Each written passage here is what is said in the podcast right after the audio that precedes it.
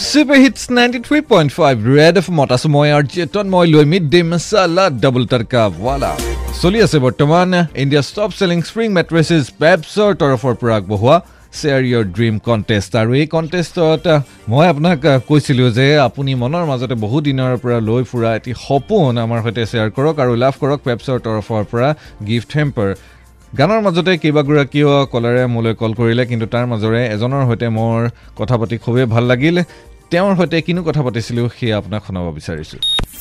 Hello কোনে ক'লে?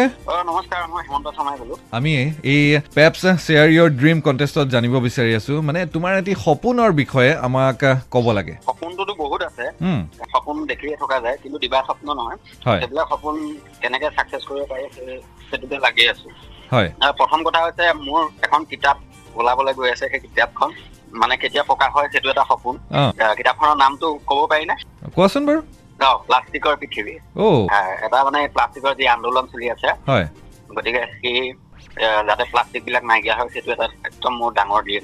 আৰু সেইটো কাৰণে চেষ্টা কৰিছো লিখিবলৈ। হয়। আৰু দ্বিতীয় সপোন হৈছে মোৰ মানে প্ৰেয়সী অঁ। মই কেনেকে সুখত ৰাখিব পাৰো?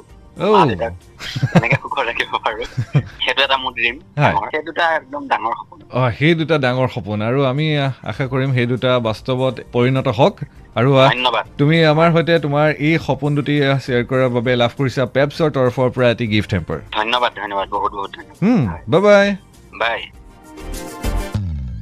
হেমন্তৰ দৰে আপুনিও লাভ কৰিব পাৰে পেপছৰ তৰফৰ পৰা আগবঢ়োৱা গিফ্ট হেম্পাৰ। পিছে সেয়া আজি নহয় এতিয়া কাইলৈ কল কৰিব লাগিব। মিড ডে মচলাৰ তৃতীয় ঘণ্টাত আৰু শ্বেয়াৰ কৰিব আপোনাৰ আহ, বিশেষ সপোন আমাৰ সৈতে। যদিহে সপোনটি শুনি আমাৰ ভাল লাগে তেনেহ'লে নিশ্চয়কৈ আপুনি লাভ কৰিব পেপছৰ তৰফৰ পৰা gift হেম্পাৰটি stadium ninety three point five Red F M বাজাতে দেখোঁ